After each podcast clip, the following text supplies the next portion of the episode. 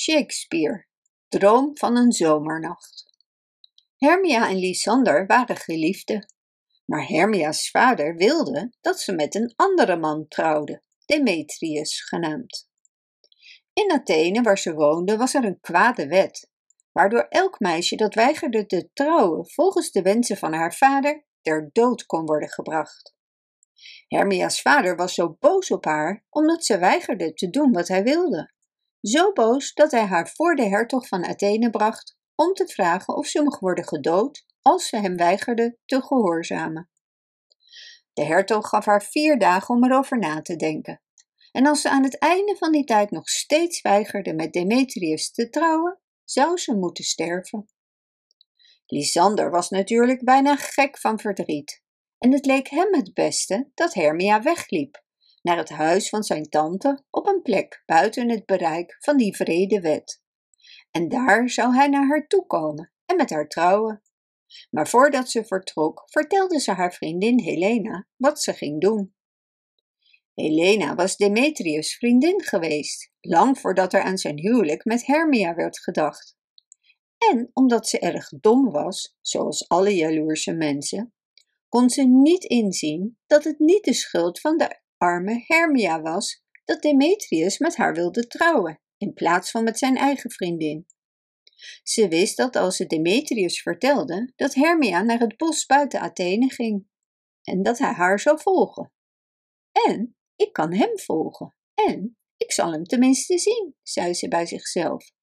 Dus ging ze naar hem toe en verraadde het geheim van haar vriendin. Dit bos waar Lysander Hermia zou ontmoeten en waar de andere twee hadden besloten hen te volgen, was vol met feeën, zoals de meeste bossen, als je maar ogen had om ze te zien. En in dit bos waren deze nacht de koning en de koningin van de feeën, Oberon en Titania. Nu zijn feeën hele wijze mensen, maar zo nu en dan kunnen ze net zo dwaas zijn als sterfelijke mensen. Oberon en Titania, die net zo gelukkig waren als de dagen lang waren, hadden al hun vreugde vergooid in een dwaze ruzie. Ze zeiden onaangename dingen tegen elkaar en scholden elkaar zo vreselijk uit dat al hun kleine veeënvolgers uit angst in eikelhoedjes kropen om zich te verbergen.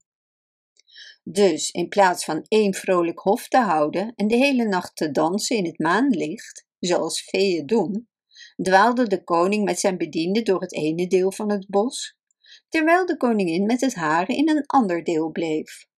En de oorzaak van al deze problemen was een kleine Indiase jongen die Titania als een van haar volgelingen had beschouwd. Oberon wilde dat het kind hem zou volgen en een van zijn ridders zou worden, maar de koningin wilde hem niet opgeven. Deze nacht ontmoetten de koning en de koningin van de veeën elkaar op een bemoste maanverlichte open plek. Onder ongelukkige omstandigheden ontmoeten wij elkaar bij maanlicht, trotse Titania, zei de koning. Wat, jaloers, Oberon? antwoordde de koningin. Je verpest alles met je ruzies. Kom, veeën, laten we weggaan. Ik ben nu geen vrienden met hem. Het is aan jou om de ruzie bij te leggen, zei de koning. Geef me die kleine Indiase jongen en ik zal weer je nederige dienaar en aanbidder zijn. Zet dat maar uit je hoofd, zei de koningin. Zelfs met al je geld koop je die jongen niet van mij. Kom, veeën, en ze liep weg. Nou, ga je gang, zei Oberon, maar ik zal je wreken voordat je dit bos verlaat. Toen riep Oberon zijn favoriete vee Puk. Puk was de geest van kattenkwaad. Hij glipte de zuivelfabrieken binnen en nam de room weg, stapte in de karren, zodat de boter niet zou komen, maakte het bier zuur, leidde mensen op donkere nachten de verkeerde kant op en lachte dan om hen, tuimelde de krukken van mensen onder hen vandaan als ze gingen zitten en gooide hun bier over hun kin heen als ze gingen drinken. Nu, zei Oberon tegen deze kleine vee, haal me de bloem, genaamd liefde in luiheid, het sap van dat paarse bloempje, dat op de ogen van hen die slapen ligt, zal hen, als ze wakker worden, het eerste doen liefhebben dat ze zien. Ik zal wat van het sap van die bloem op de ogen van mijn Titania doen. En als ze wakker wordt, zal ze lief hebben wat ze het eerste ziet. Of het nu een leeuw, een beer, een wolf of een stier is, of een bemoeizuchtige aap of een bezige aap. Terwijl Puk weg was, liep Demetrius door de open plek, gevolgd door de arme Helena, die vertelde hoe ze van hem hield en herinnerde hem aan al zijn beloften. En hij zei tegen haar dat hij niet van haar kon houden en dat zijn beloften niets waard waren. Oberon had medelijden met de arme Helena en toen Puk terugkwam met de bloem, beval hij hem Demetrius te volgen en wat van het sap op zijn ogen te doen, zodat hij van Helena zou houden als hij wakker werd en naar haar keek, net zoveel als zij van hem hield. Dus ging Puk op weg en dwalend door het bos vond hij niet Demetrius, maar Lysander, op wiens ogen hij het sap deed. Maar toen Lysander wakker werd, zag hij niet zijn eigen Hermia, maar Helena, die door het bos liep op zoek naar de vrede Demetrius. En direct zag hij haar. Hij hield van haar en verliet Hermia in de ban van de paarse bloem. Toen Hermia wakker werd, was Lysander verdwenen en ze dwaalde door het bos om hem te vinden. Puck ging terug en vertelde Oberon wat hij had gedaan. En Oberon ontdekte al snel dat hij een fout had gemaakt en ging op zoek naar Demetrius. En nadat hij hem had gevonden, deed hij wat van het sap op zijn ogen. En het eerste wat Demetrius zag toen hij wakker werd, was ook Helena. Dus nu volgden Demetrius en Lysander haar allebei door het bos. En het was Hermia's beurt om haar minnaar in wanhoop te volgen, zoals Helena eerder had gedaan. Helena en Hermia kregen ruzie en Demetrius en Lysander gingen vechten. Oberon vond het erg jammer om te zien dat zijn vriendelijke plan om deze minnaars te helpen zo slecht afliep. Dus hij zei tegen Puck: Deze twee jonge mannen gaan vechten. Je moet de nacht met hangende mist overhangen en ze zo op een dwaalspoor brengen dat de een de ander nooit zal vinden.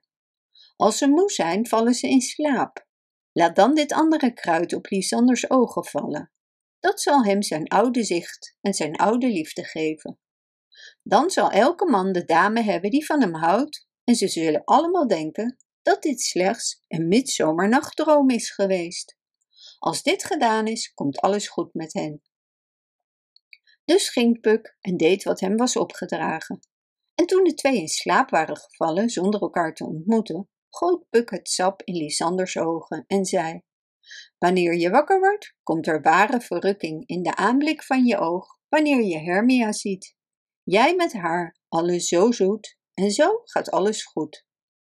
Ondertussen vond Oberon Titania, slapend op een oever waar wilde tijm, viooltjes en muskusrozen groeiden. Daar sliep Titania altijd een deel van de nacht, gehuld in de geëmailleerde huid van een slang. Oberon boog zich over haar heen en legde het sap op haar ogen en zei: Wat jij ziet wanneer je wakker wordt, is ware liefde. En nu gebeurde het dat toen Titania wakker werd, het eerste wat ze zag een stomme clown was. Van een groep acteurs die het bos in waren gekomen om hun stuk te repeteren. Deze clown had Puck ontmoet, die een ezelskop op zijn schouders had gezet, zodat het leek alsof het daar groeide.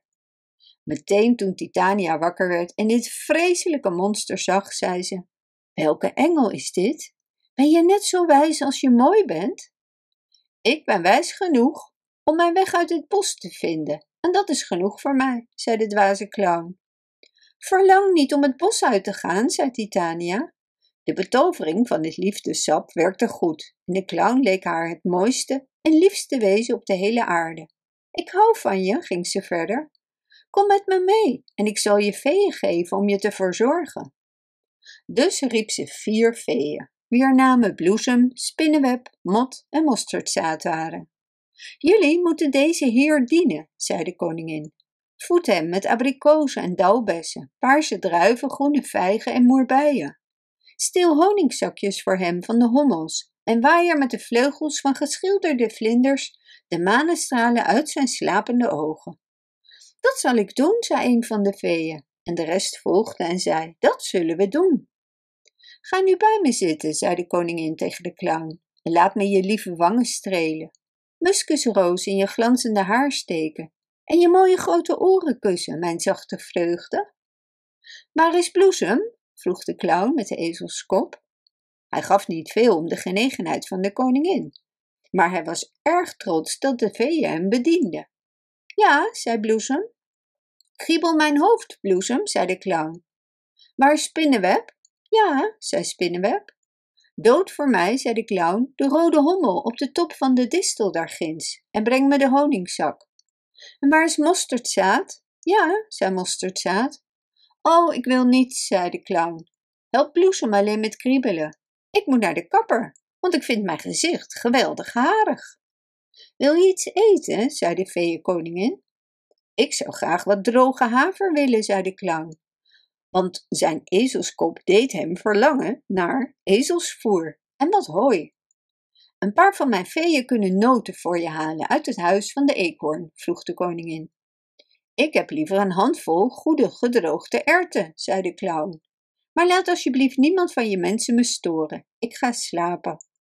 Dan, zei de koningin, zal ik je in mijn armen wiegen. En zo vond Oberon hen toen hij langskwam. Zijn mooie koningin, innig omarmd, met een clown met een ezelskop. Voordat hij haar van de betovering bevrijdde, haalde hij haar over om hem de kleine Indiase jongen te geven, die hij zo graag had willen hebben. Toen kreeg hij medelijden met haar en gooide wat sap van de ontgoochelende bloem in haar mooie ogen. En in een oogwenk zag ze de clown met het ezelshoofd van wie ze had gehouden.